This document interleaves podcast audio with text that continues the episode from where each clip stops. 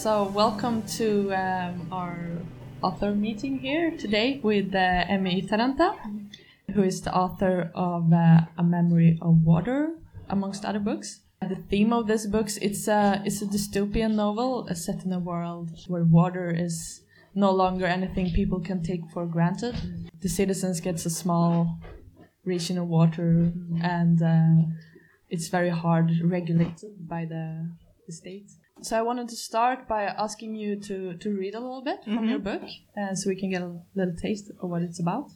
Okay, so I'm going to read um, a short passage from chapter four, where the main character, who is a young woman uh, living in this future world, she's trying to imagine how winters used to be in the past in the world that she has never known. In my imagination, snow glowed with faint white light, as if billions of blaze flies had dropped their wings, covering the ground with them. The darkness turned more transparent and lighter to bear in my mind when I thought of it against the silvery white shimmer, and I longed for the past world I had never known. I pictured fox fires flashing on the sky above radiant snow, and sometimes in my dreams lost winters shone brighter than summer. I once did an experiment. I filled a bucket with water and emptied all the ice I found in the freezer into it, sneaked it into my room, and locked the door.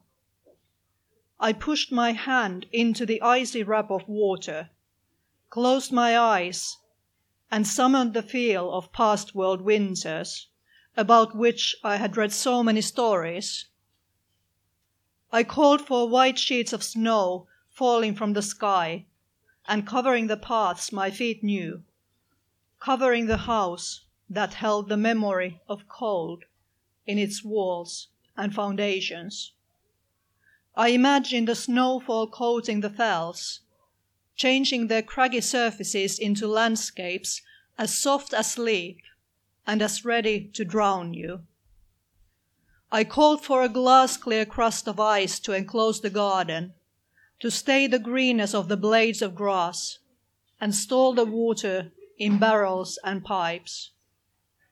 I imagined the sound frozen branches of trees would make, or stiff water skins hanging from the rack, when wind beat them against each other. Thank you so much. Yeah, so so it's very frightening to imagine a future when we can't even uh, remember what winter is like, what like what we're used to today and take for granted today, what what that would look like. Uh, at the same time, it's um, it's actually like climate change is real. This is happening now. So, um, do you think this book reflects what our world will look like if the development keeps going as it as it is right now? I would hope not, uh, at least in terms of the society depicted in the book, because uh, that's very dystopian and controlling. But um, in terms of the climate and how how the um, how the world is depicted in the in the book in terms of weather events and things like that, I fear that we are going uh, getting closer and closer to it every day. I was actually just speaking about it the other day um, when I had a library event. Uh, I started writing Memory of Water in 2008, so that was more than 10 years ago now. And some of the things that 10 years ago I thought were a little bit extreme about the book, some of the scenarios, like for instance, the idea that um, the polar ice caps um, had melted entirely and the sea level rise was dozens of meters because of that. Ten years ago, I thought that that was too extreme and people not, would not believe it. But today, I think it's actually a lot more credible than it was back then. Yeah. And for me, like dystopian novels with a more realistic scenario like this is way more frightening than a dystopian novel about like zombies or hmm. aliens. Hmm. Like, do you think people feel that? Have you experienced that? I don't. I mean, I don't. I haven't discussed that with that in particular with readers, but personally, I'm also like that. I think that a dystopian scenario with something that could actually happen, with no supernatural element, with uh, with nothing that is beyond the limits of this, this world, I find that a lot more frightening than something um, because you know it depends on the writing. Supernatural, fantastic things can be done in a very frightening way if the writing is good enough. But still, when you finish the book, you know that it's beyond the limits of what can actually happen. Whereas with a book where a virus wipes out half of the humanity or climate change completely makes the world unlivable, you know, you, you think you can believe that it can actually happen. Yeah, and um, I think one of the most important things when like discussing the, the climate change issue or um, environmental changes is uh, keeping the balance between giving people hope that maybe we can make a change for the future, but at the same time not frighten them so they think, oh, but it's no point anyway. The, the world's going to end anyway, so I can just as well, you know. Um, do you think about uh, keeping this balance when you write? I think about it all the time, and it's such a difficult balance to strike because um, I think that um, hope is really important. If we give up all hope, we might as well be dead. Hope is in, especially in difficult times. Hope, I see it as a form of resistance. Uh, so it's very important to keep it, but at the same time, hope without any ground in reality is nothing but escapism. It's it's, it's, it's not you know it's it's it's denying uh, the, the, the facts. So how you strike that balance as a writer or or at anything else that you do to actually keep the hope, but um, also make the hope have roots in reality, so there is actually something that you can believe in. That's the most difficult thing. I mean, I would never write a story that I find entirely hopeless. I, I just couldn't bring myself to do that. But at the same time, I also don't want to, I also don't want to write stories with some sort of miracle fixes or magical cures because those don't exist. And I, as a reader, would have a hard time believing such a story. So as a writer, I cannot do it either. No. Uh, and we cannot forget that like stories like this do have a voice in the, the entire um, discussion about climate change and environmental change in our society. Uh, like books have always been one of the voices that affects the um, the discussion. Yes. And for me, I think they do have uh, have always had a, a big impact. Also, on, like not only when it comes to climate change, when it comes to human rights Yeah. or like women's rights Yeah. or Yeah. like uh, books and especially science fiction books is such Yes. a good way to reflect about the future and like speculate like what's going to happen Yeah, yeah, exactly. I mean, I would like to add to that that actually, and you may know this because you are in a science fiction bookstore, but science fiction was actually probably the first genre to start to tackle climate issues and environmental themes. They did it much earlier than any other genre. And and now uh, you know we are getting these these all these articles about where is the climate change uh, literature, where where are the novels talking about climate change, and science fiction writers and readers are like. Yeah, actually, you know, they've been there for at least 60 years. You just didn't realize it. uh, while we're on the subject do you have any other like authors or like recommendations of like what have inspired you Uh, yeah, I mean, I think with Memory of Water, I was more inspired by classic dystopias that don't directly deal with uh, environmental issues. Like, well, some of them do, uh, but I was, I mean, I was heavily inspired by. I was looking at books like uh, Brave New World by Aldous Huxley, but um, The Handmaid's Tale by Margaret Atwood was a very obvious influence. I actually think that that's an obvious influence to just about anyone in my generation Yeah. or younger writing dystopias because I've discussed it with a lot of colleagues and everyone says, you know, that was one of my big uh, reading experiences as a teenager and that's why I write dystopias today.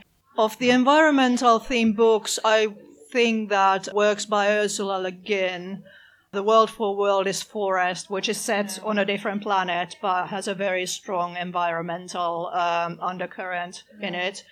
And also, The Dispossessed is not directly But it's Um, um, about capitalism. it is, yeah, and it is. also like part of the yeah the I, yeah i think the environmental theme is in there in that book because it's set in a future where where the world um, where earth has been through many environmental disasters Yeah. and therefore they have tried to build a different kind of new society Um, so I, I'm also curious about your like your identity as a, a person from Finland. Mm. Uh, has that affected the the book and how you wrote it? Yeah, I think it has because I started writing Memory of Water only a few months, about six months after I had moved to England from from Finland. It was probably I was missing Finland and I was in an environment I had studied in the UK before, but this time the move wa- was more permanent, more long term. So um, I was missing the Finnish language and I was also missing the Finnish climate and Finnish winter. So I think that's why I ended up writing a story set in a future, an imaginary future version of Finland, where the characters have at least some Finnish heritage. I think the reason why my main character is trying to think about what winters used to be like was because I was missing Finnish winters when I was re- writing Yeah. the book. I'm also curious about because um, in the book the, the water is not only something that's very like valuable. Mm. People like um, it's controlled and all of that. The waters also have a very spiritual and ceremonial meaning in the book. Mm. And there are those uh, tea masters who Mm. make um, ceremonies with tea. Mm. Uh, I wonder what what you thought when you included this in the books. Uh, yeah, I thought about it a lot. I looked into the meaning of water in different mythologies and different cultures, but the, the entire idea for the book came from when I started writing it, I was not only concerned and interested in climate change, but I was also very interested in Japanese tea culture. And I came across this idea that in Japanese tea culture, where um, the way of the manner of preparing the tea is very important, it's very detailed. It's like a ritual. It's almost like meditation. You might learn a lifetime learning to make tea in this traditional way. That's what Japanese tea masters do. Uh, and I came across this idea that in Japanese tea culture, the quality of the water used to make the tea was considered extremely important. And that connected with the idea of writing about a future where fresh water was, was a rare thing and not everyone had access to it. And that's how the, the whole idea for the book was born. And as I was writing it, it was important to me that the main character connects very strongly with this philosophy of water, with uh, so that water does not only mean it's not just a means of survival and something necessary for life, but it's actually something. It's almost like a religion for her. Because that's very um, heavily connected with the main dilemma that she faces. She has to decide whether she keeps a hidden freshwater source uh, secret from everyone else which her family has been guarding for many generations. And therefore, is she going to respect the tradition of keeping that secret? Or is she going to help other people in her village who are suffering because they don't have access to clean water? So uh, the dilemma becomes even more difficult for her because the water is not to her only about survival, but there's also this traditional spiritual meaning that goes with it. So, in a way, in Memory of Water, water almost becomes a character of its Yeah. own right. Yeah, that's true. Mm. So, do you think when people read this book, they like today we we all take water for granted, of course, Mm. and that maybe it changes people's Mm. um, like a way of way of seeing water. Mm, and mm, mm. All of those things we we take for granted today. Yeah, I mean, I think that it does work that way for some readers because some readers have told me, you know, I started thinking about my own water usage Yeah. completely differently after reading this book. And I, while I was writing it, I began to pay a lot more attention to the way I used water because I grew up in Finland and I wa- always taken fresh water completely Yeah. for granted. I never had to even think about it.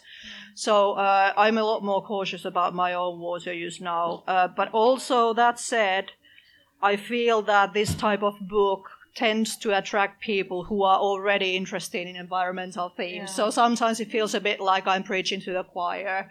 You know, they already know all these things. I'm not going to, if someone does not care about climate change or water or environment, I, I don't think this book is going to change their mind about it. Maybe not, or maybe it will. Like we, we talked about earlier, like the, the role like books like this play in the in the, Mm. the society's discussion about these issues, and I, I still think they have some kind of voice. Yeah, I would like to think so. Yeah, Yeah. I'd like to believe that because otherwise, why am I even doing this? Yeah. you know, why am I not doing something else? Um, I heard that the the book is uh, becoming a movie too. Is Mm. that right? Yeah, they start recording this fall. Well, yeah, I mean, that's the plan. Uh, the last I heard was that they didn't have every last piece of funding in place yet. No? Yeah, I mean, they. The production company that bought the option, they have been very, uh, very keen to develop the script. They're very keen to to start filming later this year, but I'm not sure if it's a hundred percent certain at No. this point. I of course hope that Yeah. it will go ahead. I've seen the plans. I've seen several script version I, versions, and I think it looks very good. Like? So yeah, yeah. So I'm really keeping my fingers crossed that Yeah, next too. time I see them in a couple of uh, weeks' time. So I hope that they will have good news for me then. yeah, I'd love to see Yeah. it uh, as a Yeah. movie. But I heard something too about like uh, about the green production. Like it's Yeah. supposed to be some kind of environmental friendly production of this movie. yeah, yeah. So uh, they thought that because because climate change and environment are such important themes uh, in the book, they will want to make the production the first so-called green film production in Finland, where they actually track the carbon footprint of the filmmaking because that's something that the film industry is only very recently starting to look at. The filmmaking is obviously something that creates a massive carbon footprint because they have to fly actors and crew from everywhere in the world, uh, several locations of filming. It's it's not environmentally friendly most of the time. So uh, they decided that they're actually going to really make an investment into trying to make it as green as possible. They will look at the impact on the environment and they will then try to find ways of compensating for that impact to try to uh, make the carbon footprint as neutral as possible. That's amazing. I've never heard Yeah. about green productions. in No, I hadn't either. I thought it was a wonderful idea. Yeah, really. You're also currently writing a new novel. I am, yeah. Can you can you tell us a bit about it? yeah, a little bit. So, my new book, uh, which I don't know yet when it will be out, I'm hoping again next year.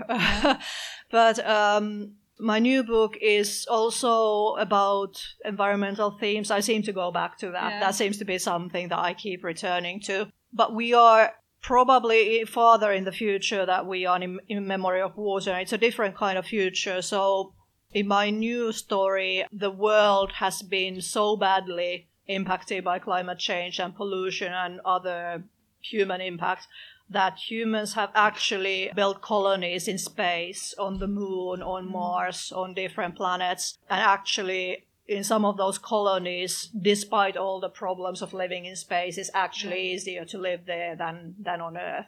Yeah, and my main character is a healer who comes from Earth, and her spouse is from Mars. And when the spouse goes missing at the beginning of the story, my main character starts looking for the spouse around the solar system. And during that process, she finds out that her spouse has been part of this underground environmental movement that might actually be some kind of eco terrorism. oh, Yeah, yeah. So that's basically what the story I'm working on at the moment. There's still work to do with that one, but I'm hoping that if everything goes well and smoothly, it might be published next year.